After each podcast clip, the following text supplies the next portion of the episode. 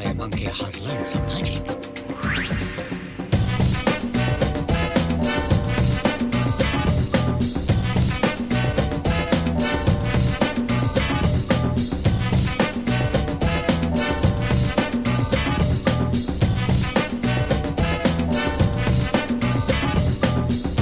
Benvinguts al podcast de Lúdica. Uh, avui doncs, m'acompanyen la Laia Montes i en Xavi Ramiro. Hola. Com esteu? Molt bé, gràcies. Què, esteu jugant a cosetes o superocupats, com sempre? Sempre hi ha alguna cosa que jugar. Uh, jo estic jugant a un joc, el, el Marvel's Midnight Suns, que havia tocat el tema algun cop aquí al podcast que, que em venia com de gust jugar-lo i al final uh, l'estic uh, l'estic jugant i l'estic gaudint. L'estic gaudint prou. Molt bé. Jo he estat molt, molt, molt enfeinada, per tant tinc el tema dels jocs una mica abandonat. De tant en quant faig alguna partideta a l'Alan Wake, el primer, preparant-me pel segon, aviam si m'hi puc posar a poc a poc, perquè jo el terror um, a mi em costa molt. Doncs mira, l'altre dia el sortejava. Sí, ja el vaig veure. veure. I... Ens pot tocar a nosaltres, Marc? Eh, només si pagueu. Ah. És per subscriptors de nivell jugador Mm. o superior, que són els Mm. consellers. I bé, uh, llavors uh, la setmana passada vaig estar provant jocs perquè a l'Steam teníem uh, les demos aquelles, que hi havia el, com es deia, Marc? El Steam Fest. Steam Next Fest. Sí. Sí, que en vam parlar al, al videoblog. I vaig estar per, uh, jugant algunes coses molt interessants, altres potser no tant, i Mm. això és el que he estat fent. Jo últimament he jugat a Senua's, al, com es diu, a Hellblade. Mm. Sí, sí. I sobretot a Halo, que avui en parlaré una mica de la saga de Halo. Mm. Però és, és una cosa que, no sé, m'ha enganxat. Últimament només tinc ganes de fer partides ràpides online, amb el mode aquest tiroteig així a cooperatiu. I en parlaré perquè és, és una d'aquestes sagues potser no tan mítiques com algunes de les que parlarem, però déu nhi Bé, avui, abans de començar la tertúlia, tenim un missatge patrocinat per la Generalitat de Catalunya que diu el següent. Si volem que el català sigui llengua normal dels videojocs, fem-lo servir. Hi ha un munt de referents del sector molt interessants i en català. Videojocs, influenciadors, mitjans de comunicació, podcast com aquest. Va, provem un català. Doncs sí, moltes gràcies per anomenar també els podcasts que, que formem part d'aquest ecosistema. I tant, és molt important.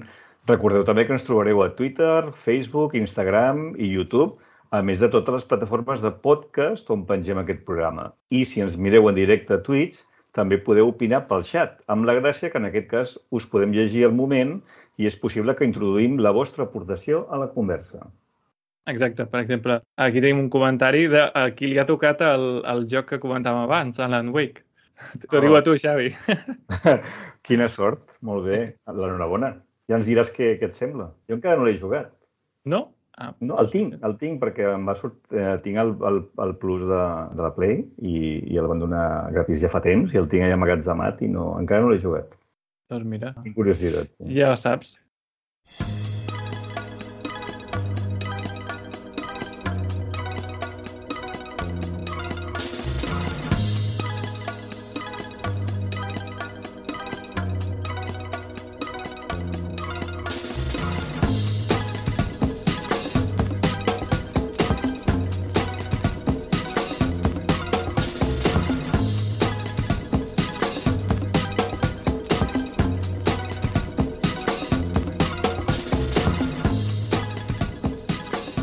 El programa d'avui ens proposem analitzar què fa que una saga pervisqui al llarg de dècades. Parlem de sagues amb més de tres entregues que sovint passen per les mans de diversos estudis de desenvolupament. Alguns exemples doncs, podrien ser The Legend of Zelda, Super Mario, Halo, com deia abans, Final Fantasy. Uh, de fet, Final Fantasy l'he agafat d'imatge perquè és que és molt graciós, que és molt irònic que es digui Final Fantasy i tingui més entregues que cap altre joc que, que se m'acut. Llavors és, és també un gran exemple a parlar de, de com aguanta eh, tants anys. Després, altres sagues podrien ser Age of Empires, més per la part de- d'estratègia, que déu nhi uh, Resident Evil, GTA, Animal Crossing, Sonic... Bé, en tenim molts. Uh, llavors, no sé, el que hauríem de fer, ara, abans de que per exemple, tu, Laia, comencis a parlar d'alguna d'aquestes sagues o, o, en general, jo el que m'he apuntat aquí per fer és explicar la teoria de, de l'Edu, de l'Edu Abad, perquè ens hem basat en l'article d'opinió titulat Mantenir-se al tron. I com que és el seu article i li hem agafat una mica el, el, la idea, doncs li he demanat quines són, segons ell, les claus de l'èxit d'aquestes sagues tan longeves. I m'ha dit bàsicament que pel seu punt de vista són o sigui, hi ha dues formes d'allargar l'èxit d'aquestes sagues. El primer seria identificar l'essència de l'obra i saber-se reinventar mantenint aquesta essència. Per exemple, em deia que Mario, o Super Mario, és un joc de plataformes no? que, que podríem pensar que la fórmula original doncs, té com a part essencial que és en 2D, en scroll, però, en canvi, quan va arribar la, la 64, la Nintendo 64, van fer el salt a la 3D. O sigui, el, la tercera dimensió no és un impediment en absolut, no, no va destruir l'essència de, de Mario, sinó que va ser el, com un, una reinvenció d'èxit, no? I mantenia les plataformes, però en 3D. I un altre exemple que diu és de Legend of Zelda, que, per exemple, explica sempre la mateixa història, però no passa res perquè el el més essencial és la sensació d'aventura. Llavors, pot mutar molt i no perdre aquest, aquesta gràcia. Òbviament, també hi ha els personatges. Jo crec que això és, n'hem de parlar segur perquè els personatges hi fan molt. I l'altra manera que diu ell que identifica com a possible forma d'allargar-se en el temps és la, la més mandrosa, podríem dir, que és conservar la fórmula original. És a dir, explotar al màxim allò que va funcionar i, sobretot, al llarg del temps, explotar la nostàlgia. Partint d'aquestes dues grans idees, jo crec que avui ho tenim molt bé per anar parlant de sagues molt importants. Podem començar amb les que ens faci més il·lusió i aplicar una mica aquesta teoria de l'Edu o, ampliar-la o rebatre-la. No sé, tu, Laia, si et sembla prou acurada aquesta teoria, què, què et sembla tu? No, em sembla que és molt bona idea. Crec que amb els jocs que ell Uh, poso com a exemple, funciona molt bé. No sé, però fins a cert punt, Final Fantasy crec que totes les sagues s'han intentat reinventar i, de fet, ha estat molt criticada en les últimes entregues perquè ja no hi ha combat per torns. Llavors, la gent que era fan de l'original, doncs això no els ha agradat gaire. I bé, no sé si és ben bé això. Crec que en part és cert que les sagues es necessiten reinventar i és cert que necessites tenir aquella essència que es va mantenint, perquè si no parlem de jocs completament diferents, però no crec que sigui l'única cosa que fa que eh, es mantingui, no? que faci que una saga eh, eh, segueixi a les cases de la gent i al, al, a les ments de la gent. No? I una altra cosa que afegiria, sobretot pel que fa a Nintendo, i que ho fa molt bé, i que potser no ho fa PlayStation, no ho fa Xbox, i és que se centren molt en l'aspecte més familiar i el fet que els nens petits puguin jugar tots aquests jocs i puguin créixer amb un Mario, puguin créixer amb un Zelda fins i tot. Uh, I crec que això hi influeix molt, que la gent tingui aquest record d'haver-hi jugat des de petits i que segueixi estimant aquestes sagues i que hi pot jugar d'adult també, no és que siguin només jocs per nens, són també per adults. I crec que això fa que siguin tan estimades per tanta gent, en part. Mm -hmm. Sí, bueno, jo crec que l'Edu parla de dues, les dues cares d'una mateixa moneda, no? Vull dir que són com que es complementen, es complementen i que potser en cada... i que no són, potser no són tan contradictòries com, com pot semblar, no? La nostàlgia és molt poderosa, penso que, que té molt a veure. Penso que moltes d'aquestes sagues, especialment estic segur que Nintendo ho ha fet sovint, eh, ha estat més un procés de tenir una idea sobre un joc i eh, pensar a quin, a quin personatge no? diguem, endossa aquest joc, o sigui que eh, això ha passat molt, no? Vull dir, tu comentaves també ara, Marc, la saga, parlaves de Super Mario, parlaves de Sonic, vull dir, eh, Sega també ho ha fet sovint, no? De, de, de diversos tipus de joc, de vegades més de trencaclosques, de vegades més d'acció, de vegades més de plataformes, han acabat afegint aquests personatges i, i fent que formi part d'aquella saga, perquè saben que, bueno, que, hi un, que tiren, no? que hi ha una nostàlgia, que hi ha un record i que això... Uh, de vegades el, el que ha passat, inclús jocs que, que han sortit originalment amb altres personatges, s'han adaptat amb, amb personatges més populars per, per, no? i s'ha tornat a reeditar aquest joc, això havia passat bastant sovint. Vull dir que la nostàlgia és molt important, però el, el que jo crec que els jugadors el que valorem és eh, el, quan, quan s'aconsegueix aquest equilibri eh, tan precari que és de mantenint l'essència de, del joc, eh, fer-lo avançar. No? Jo crec que en aquest sentit sí que a la saga de, de Super Mario, la, diguem la tradicional, no? això que comentava no? l'Edu a l'article, el salt al 3D el va fer molt bé. Vull dir, va, ser, va ser un, un salt esplèndid i, i d'alguna manera això va fer que la gent entenés que eh, un personatge tenia vida en aquesta nova generació, no? en aquest nou món que estava apareixent, que era el món de les, de les 3D. Mm. Mm. Jo veig clarament que hi ha el factor aquest del personatge, no? que, que l'hem vist molt fàcilment, perquè, òbviament, és com la mascota de la, de la consola i ajuda al màrqueting global no? de la marca Nintendo o de la marca PlayStation. Però llavors també hi ha altres sagues que canvien de personatge o directament, si són un gènere com, com el cas d'Age of Empires, crec que és interessant com a contrast, mm. perquè les altres sagues que hem mencionat doncs, són més aquest doncs, tercera persona, eh, una cosa molt reconeixible pel seu personatge. Doncs eh, en el cas de l'estratègia o, per exemple, també amb gèneres com conducció o de combat, doncs no sempre és tant un personatge, sinó una estètica o, o unes fórmules jugables.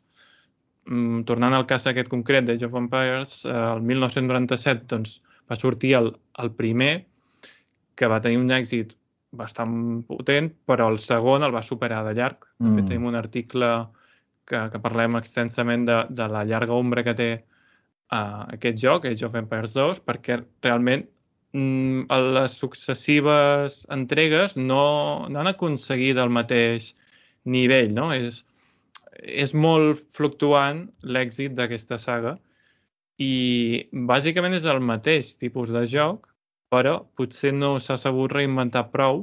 Jo crec que l'últim, el, el 4, sí que ho va fer de manera molt més interessant, però també explotava molt la nostàlgia d'aquest segon joc tan famós.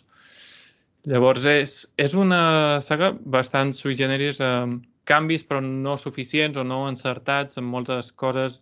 Fa poc vaig provar uh, la tercera entrega, que havia fet alguns canvis i realment crec que no va encertar gaire. O sigui, crec que envelleix molt ràpid, més que els anteriors i tot. I no sé, és, és curiós a vegades com pot ser senzillament que, que la gent es cansi de, de la fórmula, no? I és complicat de, de saber si hi ha un patró que segueixin eh, aquests jocs que molts comencen als anys 90, abans ho comentàvem quan documentàvem una mica el, la, la data de l'original, i clar, dels anys 90 o de final dels 80 eh, és quan surten la gran majoria d'icones pop del videojoc, però després hi ha uns canvis tecnològics brutals, no? Això, eh, mm. la Laia en parlava al seu article d'aquests grans salts i, clar, alguns s'han adaptat bé i altres han desaparegut o es mantenen com poden. Per exemple, si, si parlem de Doom, mm, ha tingut alts i baixos molt notoris, o sigui, ara, ara torna a estar una mica recuperat, però ha estat molts anys durant... O sigui, una cosa molt de nínxol per PC, per un tipus de jugador molt clàssic, molt masculí i molt, molt de sang i fetge i prou, no? I ara li han donat la volta i, i és una història una mica més elaborada, un gameplay molt, molt sofisticat que reinventa el, el shooter. No ho sé, crec que, que en podríem parlar. Laia, tu, tu l'havies suggerit, aquest? Sí, jo de fet he jugat a l'original, jo no he jugat a, a les noves entregues. Uh, I és cert, és a dir, Doom ja va trencar una mica esquemes quan va entrar dintre de, del mercat als anys 90, crec que va ser principis dels 90. Mm -hmm. um, um, I tot i que era un joc, si no ho entenc malament, era un joc 2D, tot i que fa aquest engany del 3D, però en realitat no... no, no hi, bueno, no hi... és com un fals 3D. Ah, exacte, és com un fals 3D.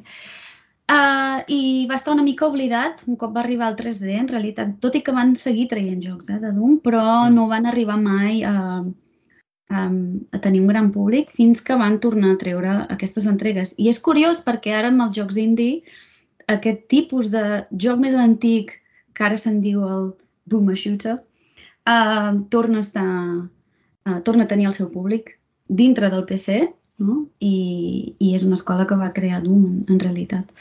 Uh, però sí, en aquest cas, crec que l'Edu té raó en el seu article, és adaptar-te a la demanda del, uh, del mercat i saber vendre aquest tipus de producte i saber-te actualitzar, diguem-ne. I això és el que ha fet Doom i li ha funcionat molt bé. També el canvi de desenvolupadors, és a dir, crec que ho porta Bethesda, no? Mm. Ho edita Bethesda, però no ho desenvolupa Ah, directament. ID Software, no? Continua? Sí, Ah, Mhm. sí, sí. Mhm. Bueno, això a mi em recorda molt al Wolfenstein, també, no? Que és de Mm. l'època, Sí, sí, no? sí. que era com el Doom era de, de dimonis i l'altre era de nazis. I, i, i, i fixeu-vos com cada, cada saga no? que ha mantingut una mica, doncs, jo crec que s'ha agafat aquesta essència, o sigui, han entès que la jugabilitat havia de ser, doncs, eh, clar, han passat els anys i, per tant, ha de ser més espectacular, ha de ser més, um, més afinada, però uh, Doom segueix una mica amb el tema, amb, el, amb, el, amb aquesta mena de- de- de- d'un cert uh, univers um, heavy metal, no? d'alguna Mm. manera, hardcore, i Wolfenstein, doncs, bueno, um, tot i que afegeix més ciència-ficció a les històries, manté una mica aquesta lluita contra el, contra el, contra el nazisme, no? Qualsevol època. Vull dir que, en certa manera, s'agafen a l'essència perquè saben que doncs, així són reconeixibles i jo crec que, bueno, et, et, et, és veritat que quan, quan surt una IP nova, un, un joc que, que no té cap rel, bueno, desconfies més, no? Costa més, a no sé que, no, que t'atregui molt. En canvi, quan, és una... quan tu ja, ja saps de què va aquell univers, saps que allò t'agrada, perquè no sé, perquè t'agrada molt jugar a shooters, doncs, escoltant hardcore i, no? i veient dimonis eh, escapçant-se per totes bandes, doncs, doncs bueno, eh, clar, això eh, ja d'alguna manera eh, t'atrau, no? O et, o, o et fa sentir a casa, no? Després et pot agradar el joc o no. Però I, l'exemple que has posat de, de Wolfenstein, no sé si has provat a, de New Order. Sí, sí, sí. Què et va semblar el, el que és reinvenció? A mi em va agradar. A mi... Eh, És que a no- mi em va flipar, eh? Vull dir, Sí, no sí. m'esperava ni de lluny que la història fos rellevant Mm, i, i és això, és, és agafar l'essència d'un joc que només era Mm. Matar nazis, o sigui, literalment era això, disparar contra... sí, era un, era, era un edifici ple de, no, de parets de maons i Mm. vinga, anar, no, anar, anar girant cantonades i anar sortint nazis, atrancant un quadre d'en Hitler o una esbàstica i vull dir, no hi havia gaire cosa més, sí, sí. Sí, doncs ara, clar, jo tinc ganes de jugar a la segona part, que encara no l'he provat, Mm. però la, la primera em va sorprendre moltíssim. És una de les històries que més m'ha sorprès i m'ha impactat perquè és molt bèstia Mm. i té molta profunditat. En... Parla de, de, del, de la resistència no? a un món que, que han guanyat els nazis. És una mica la, la premissa del, de Man in the High Castle, que és una novel·la que també té l'adaptació a sèrie, A Prime, sí, a sí. Prime, que està, està bé, jo l'he vist, no l'he acabat, però l'he vist bastant. I, i clarament és el mateix, el mateix món, diguéssim, no? que, l'han- que és a, això, els nazis guanyen. Mm. I, i, hi ha, hi ha una resistència i, i, és, i està molt ben guionitzat eh, i, i alhora manté aquest equilibri de, de gaudir disparant a tort i a dret d'una Sí. manera salvatge. Vull dir, és un equilibri molt, molt curiós. I quan va sortir uh, i vaig començar a sentir parlar d'ell, perquè no, jo mirant algunes reviews i tal, a mi també m'atreia, doncs això, com, no, com a antic jugador de l'original, Mm. doncs, vulguis o no vulguis, eh, això encara t'atreu més, no? És com... Vull dir que això és un punt a favor, jo crec que per això també moltes vegades s'acaben recuperant no? aquesta saga, aquestes sagues, perquè saben que això bueno, té un, un efecte crida. O sigui que com a mínim hi haurà molta gent que s'ho mirarà, no? Aviam mm. què tal, no? I això ja és molt important, no? En un món amb tant de soroll i amb, i amb tantes imatges i amb tantes notícies, el fet de que algú eh, vulgui investigar perquè recorda que havia jugat algun, algun, algun d'aquests jocs d'aquesta saga i li havia agradat, ja és molt important. Mm. Introdueixo la qüestió que, que comenta la Luisa al, al xat. Diu que podria ser una clau de l'èxit eh, la capacitat que té doncs un, un joc de crear un univers únic, que tingui una estètica pròpia, una música, un tipus de diàleg, i posa d'exemple Harry Potter, ja que doncs, l'últim uh, l'última adaptació no, de, de Hogwarts Legacy va ser un gran èxit precisament per això, perquè se'n va dins d'un... O sigui, és una adaptació d'un univers, no una història concreta d'uns personatges. I és molt cert això que si tu tens un univers prou ric, no cal que estiguis explicant sempre la mateixa història amb els mateixos personatges. No sé, jo penso ara, dir que sigui un altre mitjà, però les sèries aquestes de Star Wars m'agrada precisament perquè no hi han de sortir els Skywalker i quan surten a mi em sobren perquè és un univers que ja està molt vist llavors la gràcia de que s'hagi anat ampliant és que puguis veure històries totalment diferents en planetes nous no? I, i que aquell món ja agafa vida pròpia, més enllà de, de les pel·lícules oficials. I amb algun joc, doncs no sé, podríem també relacionar-ho amb... Ara no se m'ha acut, perquè The Legend of Zelda també és un univers, però clarament hi ha la mateixa història, no? Jo sí. crec que canvia bastant l'univers, de fet. Sí, va, passen diverses èpoques. L'estètica, sí, les músiques, sí. Això sí. Sí, Sí, sí. Passen diverses, en el cas de Zelda, passen diverses èpoques del, del món, d'aquell món, no? I la relació que s'estableix és que sempre és com una mena d'història paral·lela que torna a succeir perquè sempre hi ha un heroi, no? que és en Link, que d'alguna manera està no? destinat a, o predestinat a salvar, a salvar aquell món. Però jo crec que el fan sempre ha tingut aquesta necessitat, no? O sigui, tant en el món dels videojocs com, com del cinema, com de sèries, de, de, de, de continuar eh, coneixent aquell món, no? I quan no ha pogut ser per vies cares, diríem, no? S'ha fet, doncs, eh, moltes vegades s'havien fet còmics, no? I llibres continuant les històries de, de jocs o de sèries o de pel·lícules per aquesta necessitat del fan de, doncs, de, de veure què més passava, no? De, no, de que no es quedés allà. I això jo crec que és un senyal de que, el, de que aquesta IP és molt potent, no? de que la gent té com aquesta necessitat de continuar i, i després, bueno, en el cas de Star Wars, jo crec que Disney no, ha decidit um, expandir-ho al màxim possible. No? Vull dir, i, i això, que, que en certa manera pot ser negatiu, perquè clar, si ho has expandit molt, doncs es creen molts de productes, també és això, dona aquesta possibilitat, per una altra banda, de, de fer um, jocs, en aquest cas, no? que puguin ser com, doncs això, més alternatius i que puguin donar molta varietat no? a, la, a la saga. Mm.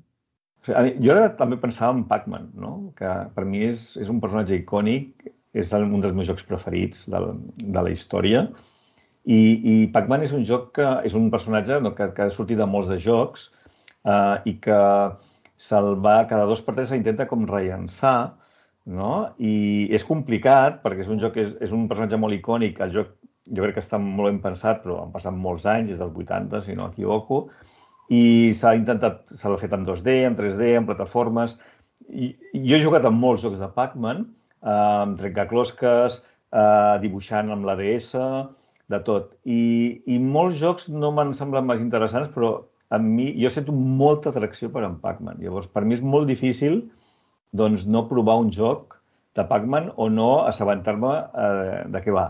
No? Vull dir que jo crec que hi ha personatges que som com molt, molt imant no? i que arrosseguen amb molta gent. No? I ara va sortir fa un any i pico el Pac-Man Museum i també el vaig comprar. No? Vull dir que, que bueno, hi ha personatges que tenen aquest poder Eh, d'atracció i que tenen com aquesta mala sort, gairebé posaria Sonic aquí, eh?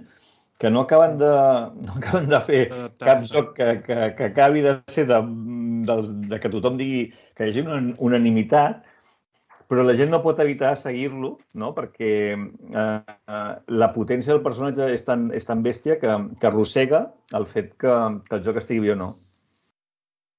Sí, però Sonic justament jo diria que és un exemple una mica com el Final Fantasy que donava l'Edu, i és que no acaba de sortir. Sí que hi ha uh, la nostàlgia i, i, i crec que la IP arrossega molt això de la nostàlgia, però en realitat crec que l'únic joc que ha, de Sonic que ha estat rebut molt bé, de manera general, va ser el Generations, fa uns anys, i perquè jugava molt amb, amb, amb, amb el joc 2D i el joc 3D i feia una proposta molt interessant, però a part d'aquí, el Sonic és, um, és un exemple per mi de com no seguir una saga. És a dir, com, com una saga no s'ha pogut mantenir al, al llarg dels anys i com és una saga absolutament fallida. I l'únic... No, crec que no hi ha nous fans del Sonic. I si hi són, uh, no, no arriba als nivells de Mario, per exemple. No, però... Les pel·lícules... Però mira el eh, Sonic Mania, per exemple, no? que és un joc que, que va, va suposar una mica el rellançament de, del personatge i que, en el fons, el van fer gairebé com des de fora de Sega i en homenatge al Sonic més clàssic. Eh, no? Correcte, Després però no va estar desenvolupat. No sé si Sega va donar el vistiplau, però en Per això, per això realitat dic, no va fora, estar... fora de Sega, per això, no? Que, Exacte. per això deia, no? Vull dir que, i que feia un homenatge, no? Que, que Sega una mica des de la Dream, que es va estar intentant doncs, doncs, actualitzar el personatge, que, que va fer bons jocs i que també està molt bé que, que ho faci, però és un joc, és un personatge no? que al final és això. Jo, jo crec que té un, un fandom d'una certa edat, no? I que, i, però, bueno, potser perquè té una certa edat també es pot mm, permetre comprar tots els jocs que van sortint, no? I, i, i la saga aguanta. I, bueno, jo vaig veient, no, no els he jugat tots i molt menys, però, bueno, vull dir que, que van sortint alguns que valen la pena. El que passa és que sí que em dóna la sensació que és això, no? que el personatge aguanta eh, bueno, com tota una estructura, no? el, el Sonic Team aquest, que, que si no fos aquest personatge em dóna la sensació que no, que no l'aguantaria. Si és l'altra cara de la moneda de el pas al 3D, que Super Mario sí que va fer molt bé i Sonic no. O sigui, la, la seva fórmula jugable es basava molt en el 2D Mm. i no crec que sigui impossible, perquè Pac-Man potser sí que ho veig molt difícil de renovar totalment. Crec que clarament és fruit d'una època i d'unes limitacions tècniques i és difícil de donar-li una volta i, i que no sigui simplement maquillar una mica la nostàlgia. Amb Mm. mm. Sonic jo crec que potser s'hauria pogut fer, però potser va quedar desemparat perquè com que Sega ja no era la competència eh, de Nintendo en, en igualtat de condicions, ja no tenia necessitat de tenir aquest personatge tan clar de la consola, potser va quedar una mica abandonat i després no l'han sabut recuperar. No sé si, si té a veure amb això. Bueno, tu pensa que a l'època de Mega Drive, o sigui, el- el- el- l'antic era Mario. O sigui, um, uh, ens podia agradar més jugar al Mario, però ningú eh, negava que el que estèticament era modern, no? que el que connectava amb la modernitat d'aquell moment era en Sonic. Però és que era innegable. Una altra cosa és que com a jugador, a mi em passava, em podria jugar, em podia agradar més jugar al Mario, però clar, Sonic era molt més cool, vull dir, estèticament, doncs això, connectava amb una modernitat. Però, eh, i Mario em segueix semblant supercarca. Vull dir, és una cosa eh, carca. Vull dir, en Mario l'ha salvat eh, al contrari de Sonic, no? Jo crec que Mario l'ha salvat que, que s'han fet molts grans jocs de Mario i que, com Mm. deia al principi, aquest trasbàs a les 3D va ser exemplar, no? Vull dir, va ser una genialitat. En, però Mario és molt carca, molt carca i, i, i jo que sóc gran fan i que he jugat a molts jocs de Mario, vull dir, desenes, i molts m'han agradat, és insuportable. Vull dir, a dia d'avui és molt pesat començar un joc de Mario i veure'l sortir i, i, i que es torni a repetir i, i, no, i, tot, i, tot, i els toats, i, vull dir, és que és, que és esgotador. Ara, la jugabilitat és una meravella. En canvi, Sonic ha passat al revés. Era la modernitat en aquella època, ho va ser també la Dreamcast, però jo crec que a l'època de la Dreamcast encara es veia, no? Vull dir que, que van incorporar aquelles 3D i era, era com molt modern, i després ha anat llenguint i, i, i s'ha quedat com, com molt dels 80-90 i els jocs no han acabat tampoc de... I s'ha quedat com una estrella de la nostàlgia, jo crec. Mm. Xavi, el que dius tu, per, potser per tu o fins i tot per mi, se'ns pot fer molt repetitiu tornar a jugar a un altre joc de Mario, ens coneixem tot el que veurem en aquell joc, però crec que els jugadors més petits això no ho han vist mai per ells. Mm. Potser és una primera vegada i sempre tens aquesta primera vegada de jugar al Mario i ho, fa molt bé, el Mario, això. Mm. Mm. I llavors Però- crec que això... A vegades em pre- em em pregunto, eh? Clar, és una resposta que jo no tinc, lògicament, però què deuen pensar la mainada de dia d'avui de, de Mario, per exemple? Vull dir, perquè, no? Vull dir, és un personatge, doncs, bueno, doncs, eh, antiquat. No? I no, no sé què pensen, si realment l'accepten com, a, com a tal, vull dir, els hi està bé, perquè Nintendo segueix creixent, està fent els parcs temàtics aquests i tot, vull dir, ha sortit la pel·li que, que està molt ben feta, i hi ha un intent de, de modernització, no? de, entre moltes cometes, de, del personatge del món, però a vegades ho penso, el que tu dius, Laia, no? Què, què deuen pensar? No ho sé. Jo crec que encara funciona i crec que fa molt bé Nintendo i, i no té competència amb el que deia jo abans i és de ser una consola familiar. Mm. I que segur que posis el joc que posis de Nintendo i pots jugar a qualsevol tipus de públic i això no ho tens amb una PlayStation, per exemple. Um, I és clar, uh, a nosaltres això que deia ens pot semblar molt repetitiu, però crec que capta nous jugadors Nintendo i Mario específicament i és una cosa que el Sonic no fa uh, sigui perquè no hi ha una consola específica per aquest tipus de joc o mm, no sé què ho fa, però segur la, la, la qualitat del joc. La, la qualitat, no? Mira, mira el Mario Kart, per exemple. Mario Kart és innegable que és un dels millors jocs de, de, de carrera arcade de la història. Vull dir, vull dir, és que jo crec que això no ho de ningú. L'èxit que ha tingut històricament la saga és impressionant. Amb Sonic han intentat, han fet uns quants, jo he jugat uns quants d'aquests. Són clons, a més, del Mario Kart. No els arriba ni a la sola de sabata. Sí que tenen idees, lògicament, perquè hi ha un equip de professionals darrere que són interessants, pantalles no? eh, que són boniques, però o sigui, jo crec que el que té Mario darrere és grans jocs que, que, que ho suporten. Mario Tennis, hi ha hagut alguns, alguns títols de Mario Tennis espectaculars. També és, és, un, és un tenis arcade, però espectaculars. Mario Golf, increïble, també. Vull dir, hi ha alguns títols divertidíssims. Vull dir que hi ha jocs... Ara ha sortit, han tret una reedició del Mario Donkey, que és de trencaclosques. Hi ha uns quants jocs de trencaclosques d'en Mario oh, que són meravellosos, també. Vull dir, jo crec que, que en Mario és, una, és una estrella pop, però l'ha sustentat, que és el que li ha faltat a Sonic, no? Doncs molts de títols molt bons, mm. o com a mínim de gran qualitat. Eh? Ja no, poden agradar més o menys, però que és evident que, que estan molt ben fets. Clar, i llavors eh, manté aquest públic fidel amb coses sorprenents de tant en tant i també deu, deu ser una part important la, això d'anar descobrint eh, nous públics, a gent molt jove, doncs el, aquesta porta d'entrada no? al videojoc, que al final és eh, Mario. Llavors potser és una combinació de tots els factors eh, en un. Això sí, jo crec que és um, molt conservador en quant al, als personatges, les músiques i el món i a mi em costa entendre com algú pot voler jugar tota la vida a jocs de Mario. Vull dir, jo crec que un cop ja ha jugat a uns quants es fa molt pesadet. Però bé, això ja suposo que va a gustos i, i per a algunes persones, pel que sento que diuen, és és com tornar a casa, vull dir, és una sensació de familiaritat amb el personatge i amb el tipus d'experiència que dona que, que sempre és benvinguda, no? Mm. Jo, si us sembla bé, eh, ara faria una... explicaria una mica més una d'aquestes sagues. O sigui, donar-hi una mica de volta a com ha evolucionat. I us proposo que, que cadascú tri una, que, que li faci il·lusió. I, en tot cas, podríem deixar pel final GTA, que, que per mi és super important.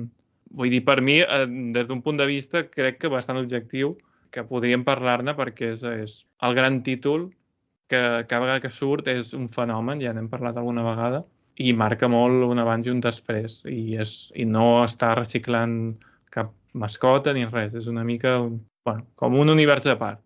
Llavors, jo per, per fer aquest, uh, aquesta anàlisi uh, he triat Halo, que ja que últimament hi estic jugant, doncs ho tinc una mica fresc.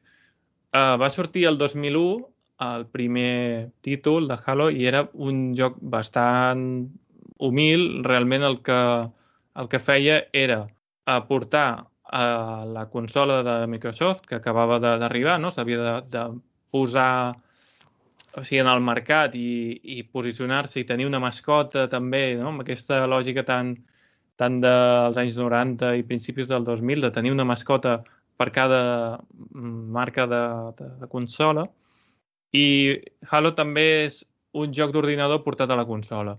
La idea és copiar jocs d'ordinador, de shooter, i posar-ho eh, de manera que funcioni a, a consola, que és una cosa que per alguna raó doncs, no s'havia fet gaire, no havia funcionat bé. O sigui, de fet, abans de, de Halo hi havia la idea preconcebuda de que els shooters era una cosa de PC, per jugar amb ratolí, i que no anava bé jugar-ho amb comandament. De fet, molta gent encara us sentireu que ho, que ho defensen, això.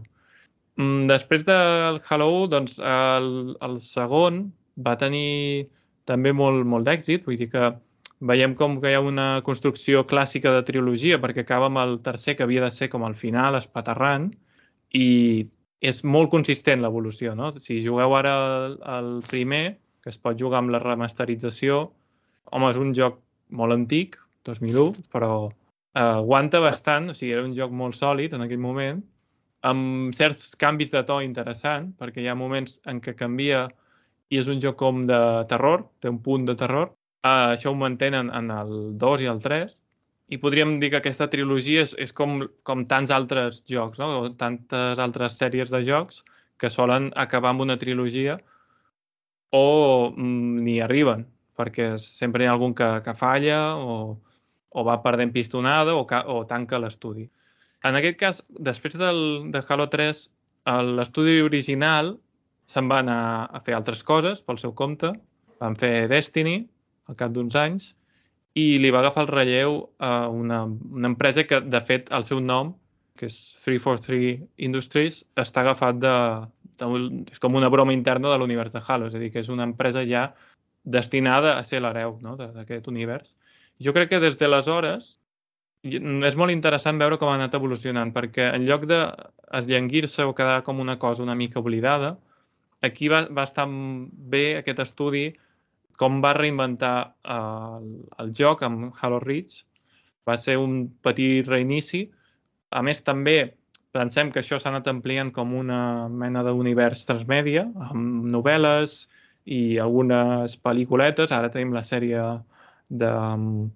d'aquesta nova plataforma de, de, de vídeo online, ara no recordo com es diu, Uh, no, tampoc em surt a mi. No surt, no? És l'última que ha aterrat a Espanya. Sky... Sky... Sky Showtime. Sky ah, Showtime. I bé, és una... O sigui, he fet una mica salt temporal, eh? Però des de Halo Reach, que per mi segueix sent el, la millor història que s'ha fet de, de, de la saga, eh, doncs s'ha anat reinventant prou bé. Ara estem amb Halo Infinite, que va començar una mica a mitges perquè havia de portar moltes coses i han anat sortint com per fascicles. cicles sí que té aquest punt com de joc entès com a servei no? que van mantenint i bé, al final ha anat sortint tot, eh, jo crec que és, és un bon joc, tot i la, la campanya no ha estat ni molt menys el més interessant. S'ha apostat molt més per la part online, que de fet és una cosa importantíssima des del primer joc, no? el, el, el joc així multijugador i tal. Llavors, aquí l'essència ha estat una mica la, la barreja d'aquesta tradició del joc de PC, de shooter, amb una creixent complexitat de, de narrativa, que està molt bé. I també la, la jugabilitat s'ha sabut reinventar suficient. Hi ha hagut moments en què posaven dues armes a l'hora, després les canviaven i posaven uns gadgets, després uns poders, saps? Han anat fent aquest tipus de doncs, d'iteracions diferents per reinventar la fórmula de shooter que en el fons segueix bastant intacta crec que és un exemple interessant de com ha anat amb certs alts i baixos, però bastant consistent, anat fent aquest camí i tot i que, clar, és ex exclusiu de Microsoft, això també fa que sigui una cosa molt més, bueno, d'un públic més limitat, doncs ja és tot una icona que, que, que també mereix aquestes adaptacions no? a, a la gran pantalla o a la petita pantalla i bé, no sé, veurem com, com avança, però jo crec que està encara en plena forma. Molt bé. A veure, quins són els vostres casos d'estudi? Bé, és que jo no, no he jugat mai a una saga des del principi fins al final. Normalment agafo uns quants jocs i quan ja sé més o menys eh, a què va la saga, no, crec que no he continuat mai. Una saga, si més no, que sigui eh, exitosa. Llavors crec, potser vosaltres en podeu parlar més que jo, tot i que jo he anat provant i he jugat una miqueta als Resident Evil. Crec que és una saga que és super exitosa, crec que els nous jocs uh, tenen un públic mm, super fidel, però que a més a més són jocs molt bons i que saben utilitzar uh, no sé, les, les eines que tenen per uh, donar al jugador aquesta experiència de supervivència, de terror, no? I és un exemple boníssim de un joc actual que funciona molt bé i un joc que des dels inicis també ja havia funcionat molt bé. I com s'ha anat adaptant, perquè hem vist diferents tipus d'aproximacions des de la vista isomètrica dels jocs originals, llavors va passar al 3D, llavors a primera persona amb els nous jocs.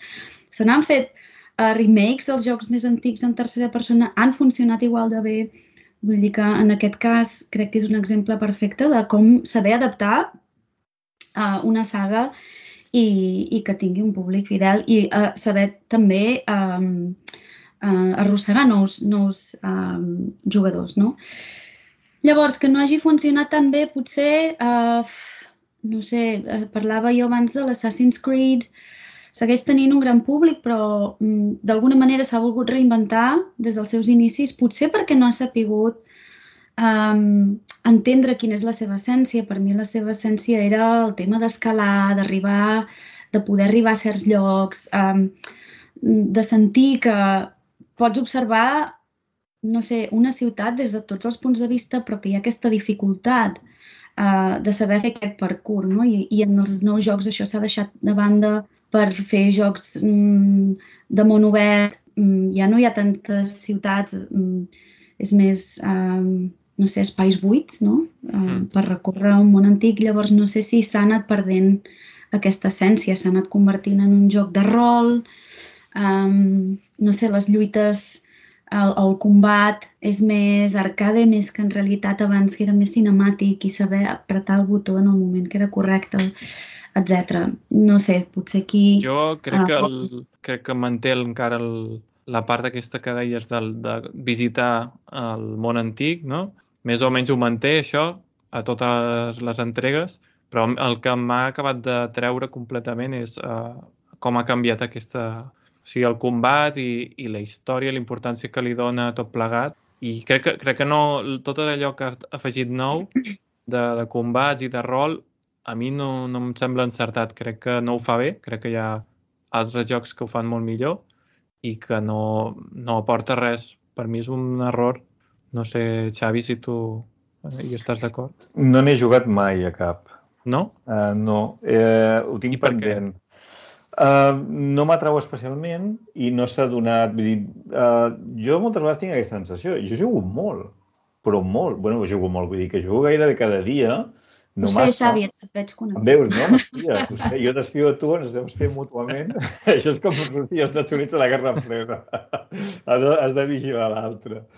I, i, I jo tinc una sensació de que hi ha moltes coses importants que no he jugat i penso, hòstia, com pot ser això? No? I, i, i és una saga que no he jugat. Clar, reconec que les que no he jugat és perquè no tinc una atracció no? forta cap a elles, això és evident, o perquè he provat algun dels títols i aquell títol no, que és el que m'ha passat amb Resident Evil, que vaig començar amb el 4, no, no, no em va agradar gens, sense greu per en Jan, que sé que li encanta, Uh, i, i no vaig poder, vull dir... Uh, I vaig jugar també el, el que va sortir per la GameCube, que no me'n recordo com es diu, que tampoc em va agradar massa, vaig jugar una estona, i no he pogut entrar, i sento parlar... Digues? Verònica? Em penso que sí, exacte, el Code Verònica, sí. I, I la qüestió és que, que bueno, els tinc allà i, i em sap greu, perquè penso que és una qüestió de, de cultura general, no?, de jugar-les mm. a videojoc. Però bueno. Jo els he provat una mica així tard, també, i bé, no, no sóc molt fan de jugar a terror. No em ve de gust, normalment. O sigui, m'agrada molt el terror, en cinema especialment, però per jugar em costa una mica. Però, però sí que m'ha agradat. He jugat a, a una d'aquestes remasteritzacions, crec que era el, el segon o el tercer joc, i també el que es diu Biohazard, que crec mm. que és el número 7, pot ser, o 6, no sé ara un d'aquests. Però, però sí, és, un, és una saga d'aquestes mítiques i jo crec que aquí sí que també és un exemple de com aguantar el nivell, no? Potser hi haurà alguna, algunes coses una mica millors o pitjors, no? segons l'entrega, però és bastant conseqüent no? i bastant estable, jo diria, amb mm. l'evolució que, que no és molta, tampoc, l'evolució, potser està aquí en, té un punt conservador, però potser li va bé també, perquè els que Mm. són fans eh, ho agraeixen i, i quan eh, introdueix alguna cosa nova jo crec que ho fa quan la gent que el desenvolupa sap molt bé que allò pot anar bé, vull dir que no és com provar així una mica el tuntun, no? Que hi ha algunes Mm. sagues que potser fan massa canvis. Jo crec que Assassin's Creed ha fet aquests canvis una mica... Que recordem que el primer joc ja va tenir un problema important, no?, entre el que venia i el que realment va ser perquè el, era molt avorrit eh, el, en general, eh? el combat era molt simple i molt repetitiu, les missions també eren sempre tres o quatre tipus constantment repetides i el que va transcendir va ser aquest món obert, l'escalada, òbviament, i com de, de detallat està tot, no? Tot el... Mm. Jo crec que aquests són els elements, com deies, Laia, que, que realment fan que Assassin's Creed valgui la pena jugar-se. Sí, Però- l'escalada ha estat completament oblidada. Tot el tema del parcours s'ha oblidat completament. Del tema jugabilitat es pot Mm. fer, es pot seguir fent, però no forma part de la jugabilitat. El jugador no ha de fer res especial per arribar a la cima de res, no? I per mi li treu aquesta, no sé, aquesta part que feia de l'original també tan interessant. Sí, crec que la Raquel en el xat també ens dona la raó. El més essencial és això, no?, de tots aquests paisatges. O sigui, és que és una passada la recreació de les ciutats. I sí, això, que s'ha anat, com diu ella, contaminant i embrutint amb tot de coses que demanava la gent i les tendències del moment. Que, clar, hi ha coses que és veritat que potser són tendències, però si les has de posar perquè sí o mal fetes, no, no encaixen bé, no? O sigui, hi ha massa, masses peces que no estan ben, ben ficades dintre del, de la fórmula. Bueno, su- suposo que han de... Vull dir, el mateix equip no, que està desenvolupant en- entén que ha d'afegir novetats. Vull dir que, no? Vull dir Clar, que clar, clar. Com, a, com a creatiu és molt difícil dir, ostres, tornaré a fer un altre joc que sigui idèntic, però que la, vull dir que, que, que la novetat forma part de, de, de, de la continuïtat, d'alguna manera. No? És inevitable que hagis d'afegir alguna cosa. I clar, de vegades l'encertes i de vegades no. Eh, quan hi ha aquestes sagues tan seguides, doncs clar, hi ha un... Bueno, Sí. hi, ha, hi ha opinions de tot, no? És Sí, com sí, el sí. futbol, no? Vull dir, és d'aquests temes que tothom n'opina, tothom en sap i, no? Vull dir que al final són sagues molt populars que juguen centenars de milers de persones, no? I, i clar, és normal. Jo, jo de saga, bueno, volia fer una menció especial que abans l'he comentada a Mario Kart, que jo és la saga que he jugat segurament més... He jugat a tots els Mario Kart, tots m'han semblat grandíssims jocs i ha estat una saga que, que títol rere títol, eh, bueno, vull dir, eh, ha ofert el mateix, mm, però l'ha anat millorant, no? Vull dir que sempre s'ha millorat eh, la conducció, la, la intel·ligència artificial dels personatges, la jugabilitat, les pantalles, vull dir, aquest últim, el Deluxe, ja és doncs, bueno, com una mena de festival de gairebé de traca final, no sé què faran. Però jo una saga que volia, que volia comentar, perquè a mi em sembla una saga molt interessant, és l'Animal Crossing, uh, que també els he jugat a tots. Per mi va ser una saga que quan, quan la vaig descobrir, el primer va- vaig jugar amb, amb, amb una versió dels Estats Units de la, del joc, que encara no havia sortit aquí de, de per la i va ser una saga que em va, em va fascinar. En aquell moment, estem parlant d'any 2000 i poc, 2003 o una cosa així, em va fascinar perquè li vaig trobar... Sigui, una cosa que per mi és molt important, que és el disseny de, de personatges, o sigui, contenia i conté no? una sèrie de personatges eh, molt icònics, molt diferents, un món amb molta personalitat des del primer moment i um, un bon guió, vull dir, no? les, les converses amb els personatges eren variades, interessants, cada, cadascú d'ells tenia la seva personalitat diferent, Um, I després hi havia alguna cosa en aquesta jugabilitat no? que vull dir que a mi en principi no m'havia de traure perquè no, no sóc, diguem, d'aquesta escola, d'anar fent, d'anar a pescar, d'ajudar els veïns, que eh, acabava com enganxant i l'acabaves gaudint i l'acabaves eh, d'alguna manera fent-te teva, no? com, com un espai virtual. La música també jo crec que era, ha estat molt aconseguida i ha estat una saga que ha anat creixent, o sigui, sense gaires, gaires variacions, que aquí potser és la crítica, no? que ha passat una mica el mateix, que s'ha anat millorant tecnològicament, s'han afegit poques novetats eh, en molt de sentit, però poques, i eh, diguem que el moment d'eclusió més popular és quan la pandèmia, no? que justament l'últim títol apareix en un moment on la gent no es pot moure de casa i sembla que aquest món virtual, no? Eh, el New Horizons, eh? que és un nom molt adequat, eh, perquè no? és un New Virtual Horizons, no? vull dir que realment era l'horitzó, el tenia molt curt, però ja era com molt llarg, va tenir un èxit mundial bestial. No? I va fer, jo crec que va fer que entrés gent de moltes generacions diferents en el mateix joc, que no és tan habitual. Hi havia gent molt jove, perquè ho veia a YouTube, per exemple, no? Streamers molt joves, o a Twitch, i hi havia gent, doncs, com jo, que ja som, diguem, d'una certa edat. I tot això per dir que trobo que és una saga que ha aguantat molt bé, que sí que és veritat que s'ha fet repetitiva. Jo dubto que, que continués jugant a, a aquesta saga, però que té, unes, o sigui, té, un, té, unes, té una qualitat en el seu acabat, en, en, en els seus elements, um, que ha sabut connectar, jo crec que amb, amb molta gent i que ha sabut també fer entendre jo crec que Animal Crossing és un molt bon exemple de quan parlem d'altres jugabilitats, no? Allò, sabeu la típica conversa amb algú que no juga mai a videojocs i, i diu, ostres, no, però és que jo em poso molt nerviós, no? Uh, M'atabalen de seguida, no? Doncs Animal Crossing sempre és un bon exemple per explicar que, que hi ha una, una experiència que pot ser des de des de, amb un ritme molt més lent, molt més reflexionada, molt més gaudida. En fi, que, que jo crec que és una, una saga també molt interessant i que, i que s'ha fet, eh, bueno, al final s'ha fet com molt global. Jo crec que els, els personatges d'Animal Crossing han esdevingut també com icones. Mm. I abans d'acabar, doncs, com dèiem, eh, GTA podria ser un gran exemple d'èxit espaterrant. O sigui, una cosa jo crec que no, no superada per, per ningú, no? En, en vendes, però també en influència. I, curiosament, no té ni un personatge concret, ni una ciutat mm. en concret, tot i que mm. algunes ja són gairebé el personatge, no?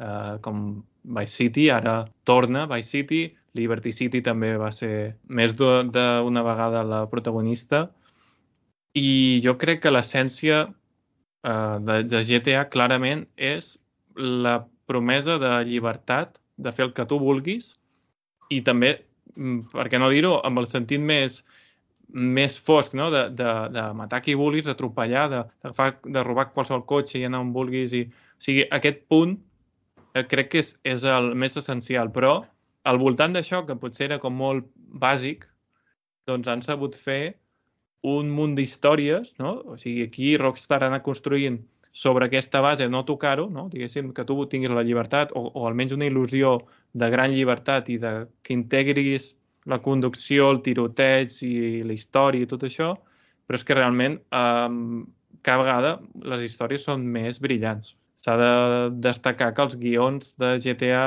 eh, són sí, superprofuns, eh, tot i mantenir aquest to molt gamberro, no? que, que a vegades és com una paròdia de, de la societat, però crec que cada vegada és més, més interessant. Té també et donen l'incentiu per jugar de manera seriosa, o sigui, no, no et priva de fer el boig i, com sempre, hi haurà gent que farà, però sí que té aquest punt de, de que cada vegada té més sentit jugar de manera seriosa i seguir la història i fins i tot amb el cas de, del quart, que, que és pràcticament o sigui, és, una, és un canvi bestial de, de registre, amb en Nico Bellic i, i tota la relació amb, amb altres personatges, podies anar a fer amistat no? amb, amb aquests altres eh, personatges secundaris i tenia molt de, de rol en un sentit ample, no? en un sentit de, de que realment tu estàs jugant com a Nico Bellic i no com a jugador que fa el, el boig per la ciutat. I no sé, crec que és clar que, que aquest o sigui, Grand Theft Auto és, és el, gran, el gran videojoc. Vull dir, és, cada vegada que surt hi ha una revolució mm, de tot, o sigui, eh, estèticament, amb els gràfics, eh, tot allò que integra que pots fer o no fer, eh, tota aquesta narrativa com va evolucionant, crec que, que, que és el gran exemple d'evolució sempre cap endavant i alhora mantenint aquest nucli per la gent que l'únic que vol és estampar-se amb el cotxe. Mm. No sé què, què en penseu. Bueno, jo crec que GTA, tot això que, que has dit, és, a mi no sóc gaire fan, eh? però tot el que has dit estic d'acord. Per mi jo afegiria, que de fet és potser el que més m'atreu a mi de GTA, és que és un joc que coneix, o sigui, aconsegueix connectar en, amb la cultura eh, més urbana, no? Com pocs jocs ho han fet. De tant en tant hi ha algun joc a la història que, que ho ha fet, no? El, el Tony Hawks, per exemple, ho va fer en el seu Mm. moment amb l'skate, no? I jo crec que connecta amb una cultura urbana que és molt important, vivim en aquest moment, no? que no està gaire representada en el món dels videojocs, a vegades ho està amb un personatge o d'una manera molt caricaturitzada, però aquí la tenim d'una manera molt potent, la ràdio és bestial, no? Sí, Vull dir, sí, la sí. ràdio, clar, d'alguna manera et connecta, tot i que hi ha emissores de, de música antiga, d'oldies, eh, de música jamaicana, de hip-hop, del que tu vulguis, de funk, però al final tot porta a aquesta idea de la cultura urbana, no? La cultura del carrer, eh, i, i es reflecteix in, eh, amb, amb, amb, amb moltes coses, la roba que pots comprar. Jo recordo que les, les imatges que surten promocionals també del joc, no? vull dir que, que, que fan servir estètiques d'il·lustració que, que encaixen molt amb aquesta idea. I, I jo crec que això és també un gran atractiu, perquè el món dels videojocs de vegades és molt refractari, no sé per què, a coses que, diguem, en el món real, estètiques i cultura són molt importants, no? I que costa més d'arribar d'una manera tan autèntica com ho fa GTA en el món dels videojocs. Jo crec, jo crec que això és una clau també important per entendre l'èxit. Um, qualsevol persona que li interessi, diguem, la cultura urbana, ostres, estàs conduint un cotxe GTA amb segons quines ràdios sonant, no? I, hòstia, vull dir, eh, és, és, és una... Estàs allà, no? I, Mm. I això jo crec que, que també és un valor molt important. Laia, no sé si vols comentar alguna cosa de GTA o no ets molt No sé, no fan. sé si comentar gaire res de GTA, no sóc gens fan de GTA, no, tampoc puc dir-ne gaire res, vaig jugar al 5, no, no, tampoc vaig créixer en GTA. Ja. I no sé si és la cultura urbana que parlava Xavi, jo el vaig trobar extremadament decadent. Um, vaig trobar personatges que no eren gaire urbans, uh, personalment.